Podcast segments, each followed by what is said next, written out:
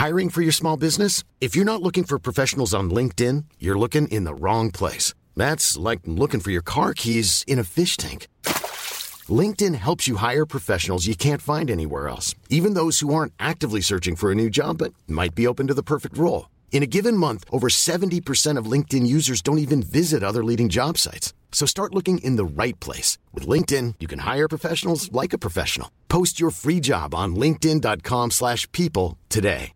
Hi, I'm Daniel, founder of Pretty Litter. Cats and cat owners deserve better than any old-fashioned litter. That's why I teamed up with scientists and veterinarians to create Pretty Litter. Its innovative crystal formula has superior odor control and weighs up to 80% less than clay litter. Pretty Litter even monitors health by changing colors to help detect early signs of potential illness. It's the world's smartest kitty litter. Go to prettylitter.com and use code ACAST for 20% off your first order and a free cat toy. Terms and conditions apply. See site for details. Hey, Dave. Yeah, Randy. Since we founded Bombus, we've always said our socks, underwear, and t shirts are super soft. Any new ideas? Maybe sublimely soft. Or disgustingly cozy? Wait, what? I got it. Bombus. Absurdly comfortable essentials for yourself And for those facing homelessness. because one purchased equals one donated. Wow, did we just write an ad? Yes. Bombas. Big comfort for everyone. Go to bombas.com slash ACAST and use code ACAST for 20% off your first purchase.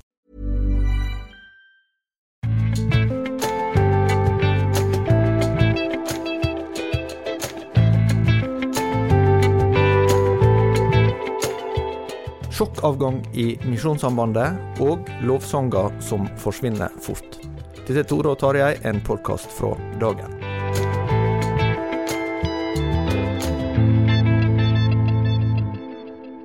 Tarjei Gilje og jeg, Tore Hjalmar Sævik, eh, hadde en litt uvanlig dag på jobb i går. Og det hadde vel egentlig hele staben i dag. Det er ikke hver eh, eh, dag vi får eh, såpass oppsiktsvekkende nyhetssak som, eh, som det vi, vi fikk i går, eh, litt utpå ettermiddag. Virkelig ikke. Det, det går ganske lang tid imellom når så konkrete dramatiske hendelser inntreffer eh, uten at det overhodet var, var ventet. Fem over halv to, tror det var, kom eh, pressemeldingen om at eh, Øyvind Aasland, generalsekretær i Misjonssambandet, går av eh, 15. mai, altså på eh, søndag. Eh, den var ikke det mange som så komme sånn der og da.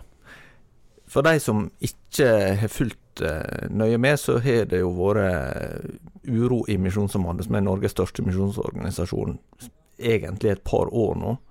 Eh, og eh, den starta vel med en kronikk, altså sånn for alvor, med en kronikk som står på trykk her i dagen i august 2020. Den begynte jo for så vidt i jeg tror det var i juni, så fikk kontrollkomiteen i Misjonssambandet ti, var det vel, eh, altså brev om varslinger. Eh, sånn at saken hadde på en måte begynt litt før det, men det var ikke offentlig kjent. Eh, men så var det i august, ja, at, at det kom en kronikk fra Endre Stene, som jo hadde vært leder i valgkomiteen eh, og vært tidligere ansatt. Eh, som har vært forkynner, eh, bibelskolelærer, som da eh, tok et, et sterkt oppgjør med det som han kalte for en ukultur i, i Misjonssambandet. Og det har egentlig rullet og gått i mange runder siden det, og etter hvert jeg tror det går an å si at det har blitt i hvert fall sånn offentlig større avstand mellom partene, der varslerne er fortvilet over å oppleve å ikke nå frem, da, eller ikke, ikke bli møtt med forståelse fra ledelsen.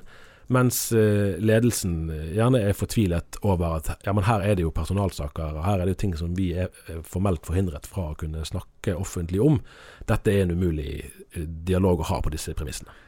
Jeg har fått spørsmål fra folk som eh, leser om dette, og, og spør meg hva handler dette egentlig om. Jeg har ikke jobba med det sjøl som, som, journalist, men vi er jo i, i samme redaksjon og er dermed i kontakt med hverandre om det som foregår. Men jeg syns faktisk fortsatt det er litt vanskelig å svare kort på hva dette handler om. Har du eh, laget et uh, kort svar? Ja, det er jo flere svar på det. Sant? For selve kulturdebatten, den handler jo om, om hvordan man samhandler. Eh, og det, Kultur er jo sånn som det er. Det er et abstrakt eh, fenomen. Man kan være i, samme, i det samme landet, samme byen, samme familien, samme menigheten, samme hva det måtte være, og oppleve kulturen eh, ulikt. Eh, men, men, at det er en del som har opplevd eh, misjonssambandskulturen som eh, stram og rigid, det er, for så vidt ikke noe nytt. Det har vært kjent lenge at der er man sterkt lojal mot visjonen, mot det som er organisasjonens formål. Og hvis det oppstår noen sår underveis, så er det nok mange som har opplevd at det får man mer eller mindre beskjed om å bare parkere. Nå går vi videre.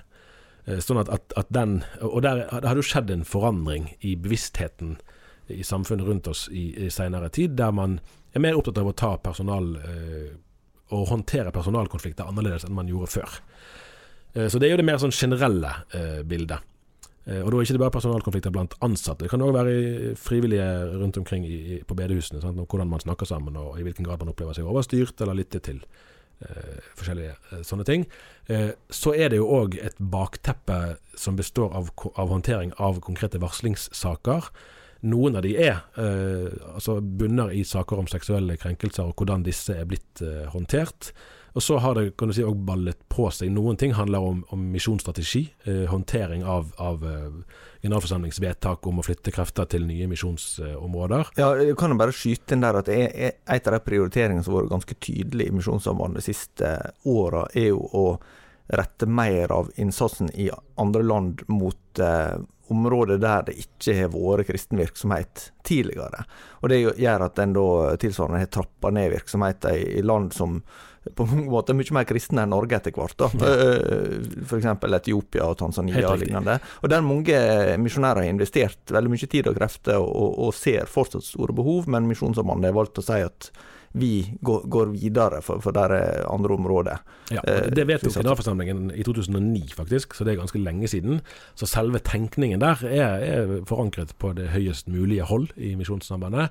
Så kan man jo Det er jo ikke det samme som at, at selve håndteringen dermed har vært uh, plettfri. Det må jo bli en vurdering som de som kjenner prosessen uh, kan, kan, foreta. Men at her òg har det vært saker som har, har vakt uh, skuffelse. Uh, og, og, i sum da så har det blitt mye kritikk som rettes mot, uh, mot ledelsen, og særlig mot generalsekretær Øyvind uh, Aasland. og, og en ting er jo som tjener disse organisasjonene til ære, at man har i senere kanskje 20 årene ca., så har mange av de arbeidet mye for å få på plass gode rutiner for å håndtere varsler om krenkelser. Uh, og da er jo gjerne topplederen vil jo naturlig nok ofte måtte være ansvarlig for håndteringen, for det kan jo være at det handler om arbeidsforhold til ansatte, og da, da må toppledelsen være involvert. Men hva gjør du da når varselet rettes mot nettopp den som ellers skulle ha ansvaret for å håndtere eh, varselet? Og det er jo særlig det som har vært spesielt vanskelig i denne saken.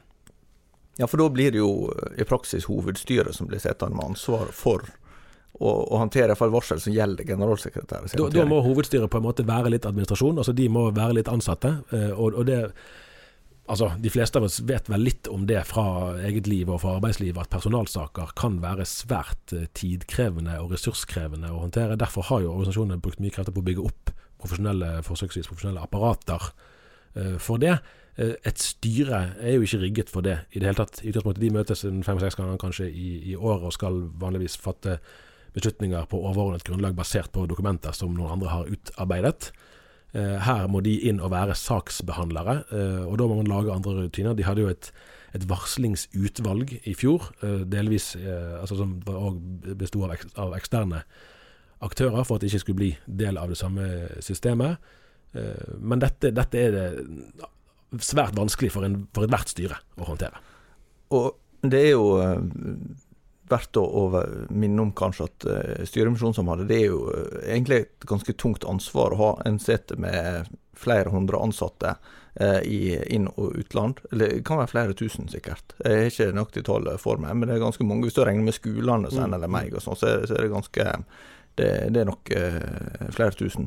Vi har også et ja, en svært omfattende økonomi. Altså Én ting er at NLM samler inn over 100 millioner kroner i året, men, men en forvalter også ganske store summer, eh, enten det går på Norad-midler eller det går på på eh, tilskudd til, til skoler osv. Så, videre. så Så det er jo et kjempestort ansvar. Ja, altså NLM-økonomien er jo på i størrelsesorden altså, halvannen milliard pluss. sånn at det, det, er et svært, eh, er et svært uh, ansvarsfullt verv å sitte i, i, det, i det, hovedstyret. og det uh, det vervet har nok fått et annet Eller den, det arbeidet har nok fått et ganske annet innhold enn eh, enn de ventet da når de stilte til valg. Men det er jo sånn, sånn er det jo for mange som, som blir valgt i ulike lederverv. At én ting er å gjennomføre de eh, programmene eller planene du har tenkt ut på forhånd. Noe annet, og kanskje vel så stort ofte, er det å måtte håndtere alt det som skjer som du ikke hadde hadde planlagt. Og Her, her eh, har det jo absolutt vært spørsmål om generalsekretæren eh, kom til å gå av tidligere. Og til Misjonssambandets eget blad Utsyn sa han i januar at han hadde tenkt på det i fjor, eh, om han skulle gjøre det. Da hadde han sittet i elleve år, han begynte høsten 2010. Uh, og det hadde jo på en måte vært en, et adekvat tidspunkt, kan du si. For da har han sittet som sagt såpass lenge, det var en helt OK tjenestetid det, og det hadde vært mye offentlig trykk. Og han kunne si at ja, jeg mener ikke at jeg, at jeg har ansvar for alt det som har vært galt, men jeg ser at nå, nå er det for mye uro, nå, nå, er det best for organisasjonen at nye krefter får ta over. Jeg takker for meg. Det gjorde han ikke. Uh, sånn at når han har sittet frem til nå, så er det en rimelig trygg antakelse at hans plan var å sitte lenger. Han hadde fulgt programmet frem til til generalforsamlingen, og kunne f.eks. Uh, ha gått av til høsten, når vedtakene i sommer var gjort, og det kunne kommet inn nye krefter som skulle videreføre det arbeidet som eh, skulle startes da, i sommer. Sånn ble det ikke. Veit vi noe om eh, eller Vi kan kanskje, før vi snakker om årsaken vi, vi, Dette har jo utløst ganske sterke reaksjoner fra andre i ledergruppa, ikke minst. Det er nesten det mest oppsiktsvekkende i denne saka, hvor sterkt f.eks. informasjonsleder Espen Ottosen og, og økonomileder Øystein Frøysa uttaler seg om eh, hovedstyrets håndtering. Ja, det, det, tror jeg vel kanskje ikke vi har sett før. At bare minutter etter at uh, pressemeldingen eh, kom, så, så, kunne man òg lese flere saker på Misjonssambandets egne nettsider der sentrale ledere var ute med ganske sterk kritikk mot, eh, mot eget hovedstyre. Her har jo selvfølgelig de ansatte en, en fordel, i og med at de har Altså det, det, er de som bestyrer disse nettsidene, så de har jo et, et informasjonsprivilegium eh, i så måte. Eh, men bak kulissene, eller i kulissene, så, så har jo det vært et inntrykk at noe av det som har vært vanskelig antagelig for hovedstyret òg, det vet vi jo ikke så mye om, men antagelig for hovedstyret òg, er jo at, at, her står ledergruppen ganske samlet. Kanskje det til og med helt samlet, i hvert fall tilnærmet. Eh, og, og, det betyr at man visste nok kanskje at hvis man går til det skrittet og avslutter arbeidsforholdet til eh, generalsekretæren, så ville man få betydelige utfordringer med de andre i ledelsen. Og klart Én ting er å skifte generalsekretær, noe annet er hvis man i altså det mest dramatiske på den siden vil være å måtte skifte ut store deler av ledergruppen. Da vil det jo gå eh, en tid før ledelsen i organisasjonen er a jour igjen, da, kan du si. Og Det er jo veldig mange prosesser som da ville kunne bli forsinket underveis eh, pga. det. Men er det mulig ut fra det vi nå har sett, å si noe om hva som gjør at situasjonen er blitt så akutt. For det, dette kan ikke være noen ønskelig eh, situasjon for, for, noen av de involverte. Nei, det tror jeg du trygt kan si. At dette, det var ingen som, ingen som, er glad for den situasjonen som er oppstått uh, akkurat nå. Det kan være vi får vite mer etter hvert. Uh, styret og generalsekretæren har jo uh, underskrevet en avtale om at det er en del ting de ikke skal uttale seg offentlig om, så kanskje er det noen ting her som vi aldri får vite, eller i hvert fall ikke får vite på en god stund. Men, men generalsekretæren snakker jo om krevende samarbeidsforhold med hovedstyret. Eh, og det kan jo være helt adekvat i mange slags sammenhenger. Det Ola Tulluan, den forrige generalsekretæren, gikk jo òg av etter å ha vært uenig med hovedstyret om en personalsak. Men det var vel en mer avklart uenighet enn det vi, enn det vi har her. I prinsippet eh, kan det jo hende at, eh, at de har vært uenige om misjonsstrategien, som generalforsamlingen skal behandle eh, i sommer. Eh, det er vel relativt trygt å anta at hadde det vært saken, så hadde dette skjedd tidligere. Ja, og det hadde vært også åpen uenighet ja, det kan det hende, for der har jo arbeidet pågått uh, helt siden 2018. Uh, så det er ganske nærliggende å anta at, at det er håndteringen av varslingssakene og, og all prosessen som har vært rundt det, som har bidratt, eller vært selve saken, årsaken til at, at samarbeidsforholdet er blitt vanskelig. så er det vel òg mer enn spekulasjoner som tyder på at, at hovedstyret eh, antagelig, i hvert fall ikke hele tiden, har vært enstemmig. Eh, og Der kan du jo også få en dynamikk der administrasjonen, ledergruppen, der står samlet, mens hovedstyret ikke er helt samlet. Og da eh, ikke så lett eh, å, å, håndtere situasjonen. Eh, så det har nok vært en litt sånn, kanskje en litt fastlåst eh, konfliktsituasjon i en stund, som nå da har fått en løsning. Og Sånn kan det jo for så vidt være i en organisasjon at man Sånn kan det være i private relasjoner òg, at man kommer til et punkt at nå, nå, går det bare ikke lenger. Og da tenker man ikke på om det, hva klokken er eller hvilken dato det er. Da er det bare nå, nå må vi finne en løsning, og her fant de en løsning, og så får vi bare håndtere det som måtte komme. F.eks. at det er ubeleilig inn mot generalforsamlingen. Ja vel, det, det får så være. Nå fant vi en løsning, herfra går vi videre. Hvis en ser på de som er engasjert og ytrer seg i, eh, i debatten med Misjonssambandet, så er det iallfall mitt inntrykk at dette er ikke så lett å altså, Jeg har jo kanskje en, eh, en antakelse om at er det uenighet i en kristen sammenheng, så er det uenighet om noe teologisk. Men, men, det er ikke så lett for meg å, å, plassere på en måte folk som engasjerer seg i disse sakene. Noen sånn eh, akse eh, der en sier at det, de som har Altså Misjonssambandet er jo en forholdsvis enhetlig organisasjon med en teologisk konservativ, lavkirkelig profil. Og så er det naturligvis variasjoner der også, da. Men, men, det virker ikke som om det, det, er så lett å forklare uenigheter her med på en måte eh, hvor en kommer fra, eller hva fløyen tilhører i Misjonssambandet, eller liksom Ja. Nei, eh, altså hver tid har jo sine konfliktlinjer, eh, og det er jo et, et trekk i tiden. Måte det der at, eh, at, nå Denne type konflikter må vi nok regne med å se mer av. Altså der det handler mer om, om eh, altså relasjonelle ting, eh, kommunikasjon, enn det nødvendigvis handler om, om liksom stringente teologiske uh, uenigheter.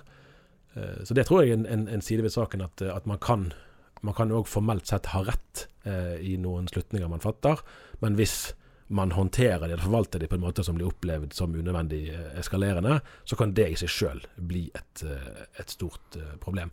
Generalsekretæren har vært tydelig på at han er opptatt av å stå på de krenkede sin side i de seksuelle krenkelsessakene som, som finnes her. At det har vært hans liksom, grunnleggende innsteg. Og det vil jo mange kunne si at tjener han til, til ære. Eh, og så er det jo mye å si om, eh, om håndteringen, og mesteparten av det vet jo ikke offentligheten om.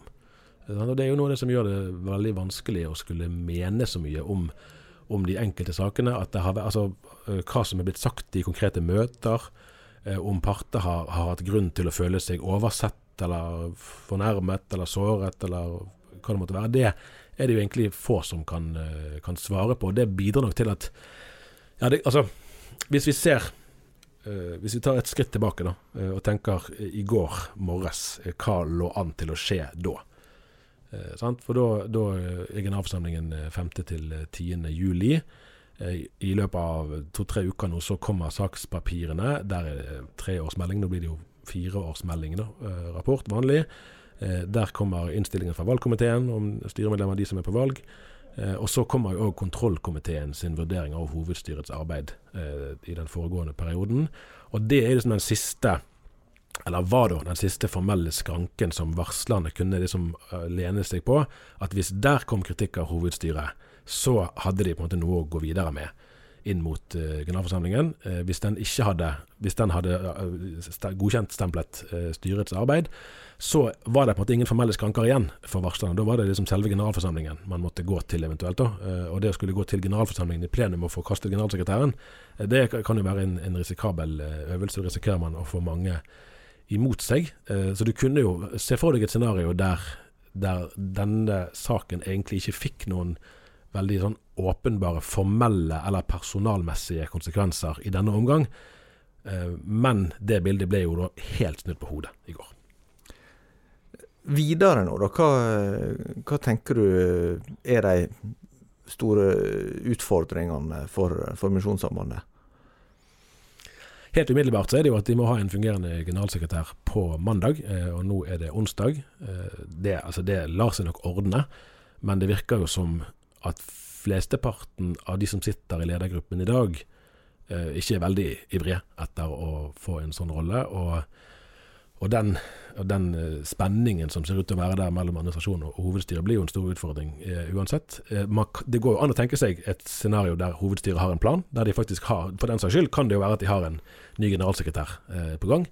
Det er kanskje litt overraskende, hvis det i så fall skulle være helt, helt ukjent. Så det tryggeste scenarioet vil jo kanskje være å, å, ansette en midlertidig, og så si at når generalforsamlingen har valgt hovedstyret i sommer, så er det det styret som da tidlig på høsten skal begynne arbeidet med å rekruttere en ny eh, generalsekretær, og så er vedkommende på plass en eller annen gang eh, i løpet av, av høsten. Eh, og så må man da drive litt sånn eh, midlertidig eh, i påvente av det. Men, men, det er jo den, den selve rollebekledningen.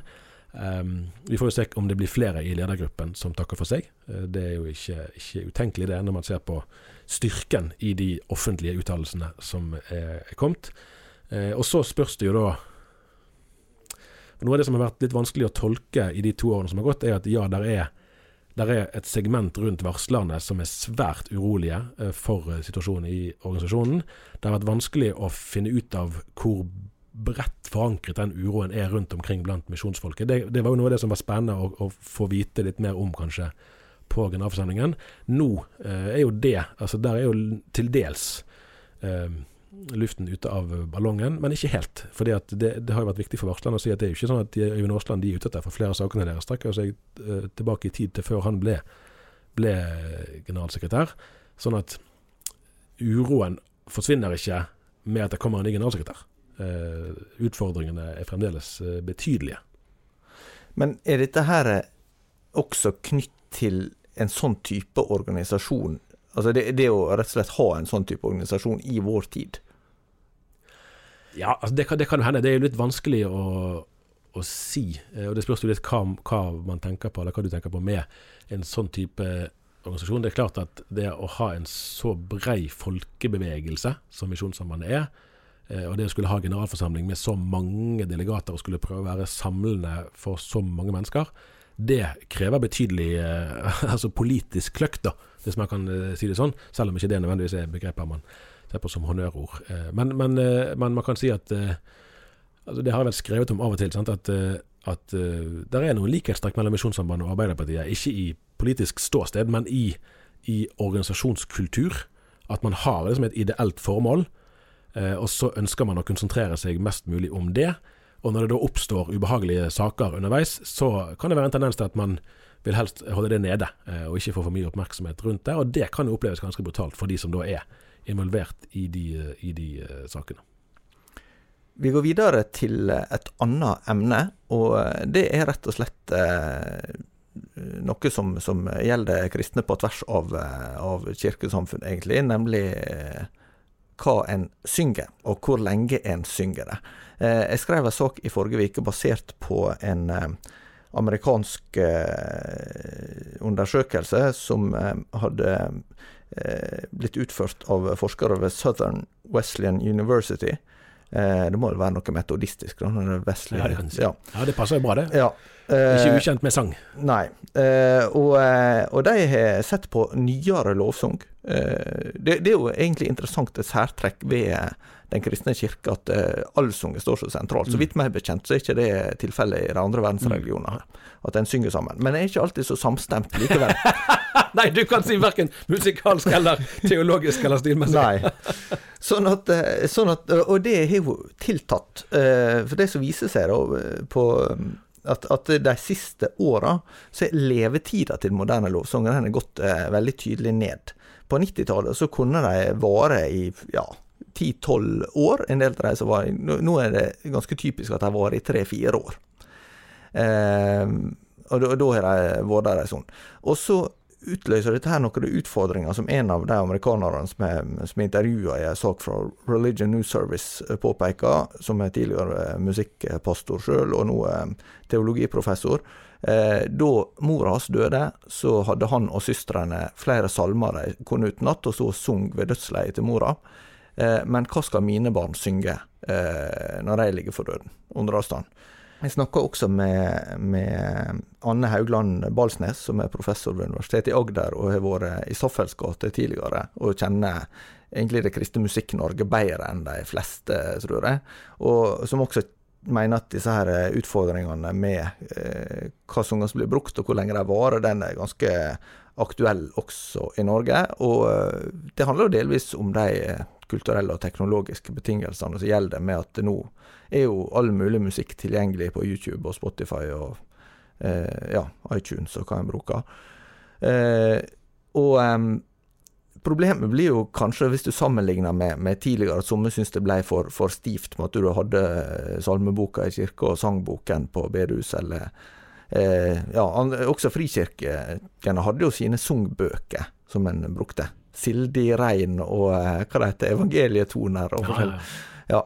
Eh, men, men, eh, sånn er det jo ikke lenger. Nå eh, plukker en opp sanger som en eh, syns passer eller en liker, og så, og så, sprer det seg litt på tvers av alt mulig. Men, men hva eh, det, det, ligger både noen muligheter og noen utfordringer her.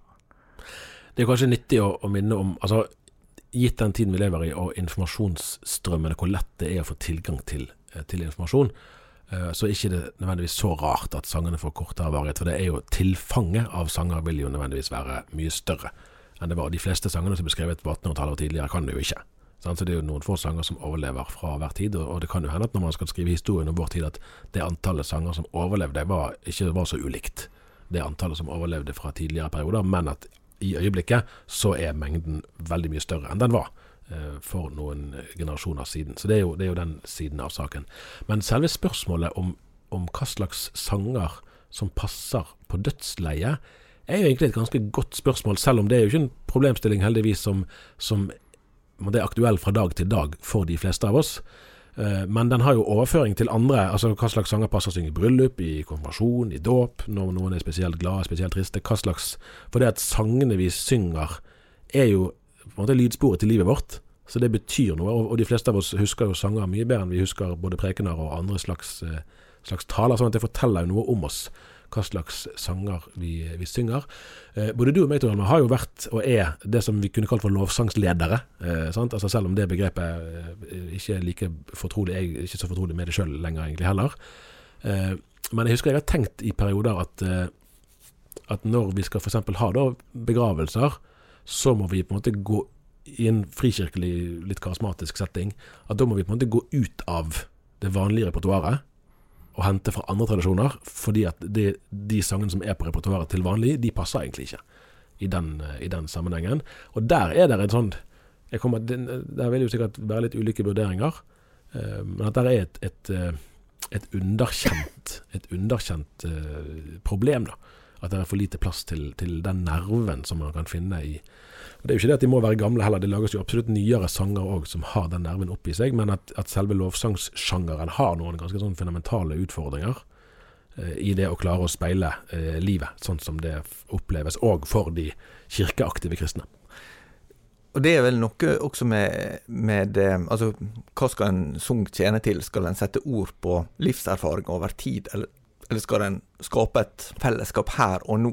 Um, og begge deler er jo en måte viktig, da, men, jeg tror kanskje at, eh, at av det som Anne Haugland Balsnes er inne på, å ha en, ha en, kombinasjon av hva en bruker, at en er sånn bevisst på å variere, at en har både nye og halvgamle og gamle mm. sanger. Og, det, og det, det, handler om noe mer enn bare en sånn her at, at, alle skal få sitt. Altså på en måte at det gamle, de, de, som er eldre skal få noe de kjenner igjen, og unge skal få noe de liker. At det blir, blir sånn eh, preferansetilfredsstillelse, nærmest. Det, for det, det, er ikke egentlig det som er poenget, eh, hovedsakelig, tror jeg.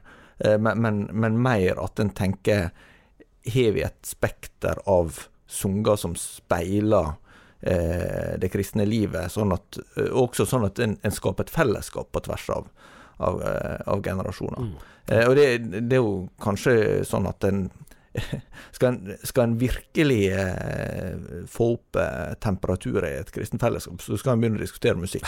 ja, det kan være mye større kirkesplittende kraft i det enn i de fleste teologiske stridsspørsmål. Altså, det, det, er lite som skaper så mye engasjement, for det, det, handler så mye om følelser og erfaringer. Og, og så Jeg lurer på en ting der, og det er for meg et sånn ubesvart spørsmål. og det er jo at altså, Like før din og min levetid, så skjedde det jo et visst skifte, kan vi vel si. Det var på en måte da det som vi nå kaller for lovsang. Lovsang var jo et begrep lenge før dette, ja. men det vi nå kaller for lovsang, det gjorde sitt inntog i kirkene omtrent ja, også, sånn også det med 70... moderne musikk. Altså det, det ja, var nok det, så, så, Da vi hadde um, professor Helje Kringlebotn Sødal på, på, besøk her i podkasten, rett over nyttår var det vel kanskje, eh, så, så snakka hun liksom om 70-tallet, da. Mm, om det, det store skillet med, med, med, det moderne eh, gjennombruddet sånn kulturelt. For der, og der var jo f.eks. oasebevegelsen viktig, sant, i å være en banebryter for, for uh, det som vi nå kaller for lovsang. Og da er på en måte det underliggende spørsmålet for meg hva for et eh, behov var det den bevegelsen møtte, eller hva for et underskudd var det det kompenserte for? For det, at dette fikk så stor utbredelse, eh, må jo bety at det traff noe eh, hos ganske mange mennesker, som da tidligere hadde sunget andre sanger, men som opplevde at her var det noe som de ikke fikk, og som de fant eh, i denne eh, åren, da, eller grenen eller tradisjonen, hva man skal, skal kalle det for. Eh, og hva er da styrken eh, til det, som, som, man eventuelt ikke fant i, i salmer og folketoner og, og, andre sanger man sang? Ja, Hvis man klarer å svare på det spørsmålet, så har man jo kanskje et bedre utgangspunkt for å prøve å finne en sånn helhet. Eh, for det var et sånn tankekors for meg som jeg virkelig har, har tenkt på mange ganger. Vidar Christensen, som var redaktør for salmeboken, som kom i 2011 eller 13? Jeg tror 13, ja, 13 kanskje, den som er standard nå.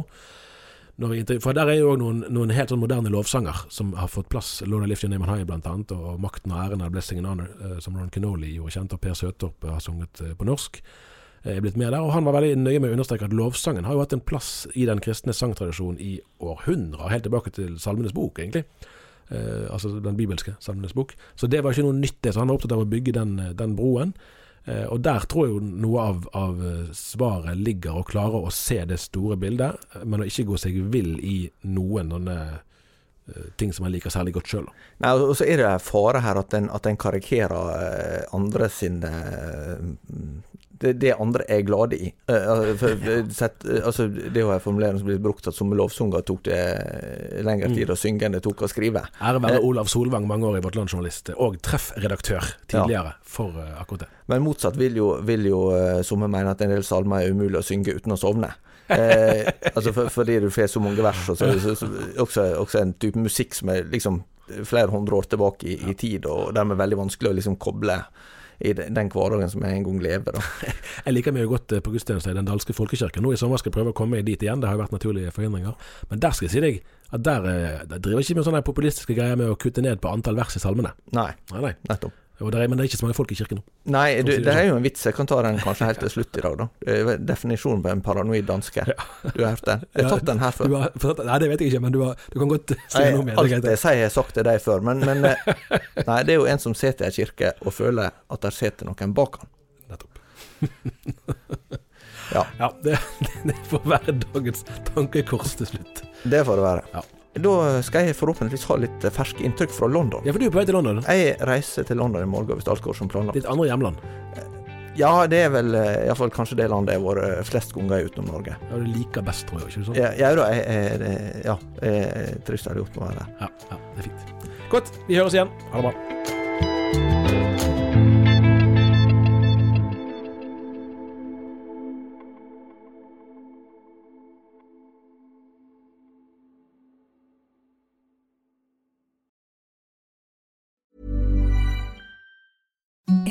The softest sheets you've ever felt. Now imagine them getting even softer over time. That's what you'll feel with Bowl and Branch's organic cotton sheets. In a recent customer survey, 96% replied that Bowl and Branch sheets get softer with every wash. Start getting your best night's sleep in these sheets that get softer and softer for years to come. Try their sheets with a 30-night guarantee. Plus, get 15% off your first order at bowlandbranch.com. Code BUTTERY. Exclusions apply. See site for details. Hi, I'm Daniel, founder of Pretty Litter. Cats and cat owners deserve better than any old fashioned litter. That's why I teamed up with scientists and veterinarians to create Pretty Litter. Its innovative crystal formula has superior odor control and weighs up to 80% less than clay litter. Pretty Litter even monitors health by changing colors to help detect early signs of potential illness. It's the world's smartest kitty litter. Go to prettylitter.com and use code ACAST for 20% off your first order and a free cat toy. Terms and conditions apply. See site for details. Even when we're on a budget, we still deserve nice things. Quince is a place to scoop up stunning high end goods for 50 to 80% less than similar brands. They have buttery soft cashmere sweaters starting at $50, luxurious Italian leather bags, and so much more. Plus, Quince only works with factories that use safe, ethical, and responsible manufacturing. Get the high-end goods you'll love without the high price tag with Quince. Go to quince.com slash style for free shipping and 365-day returns.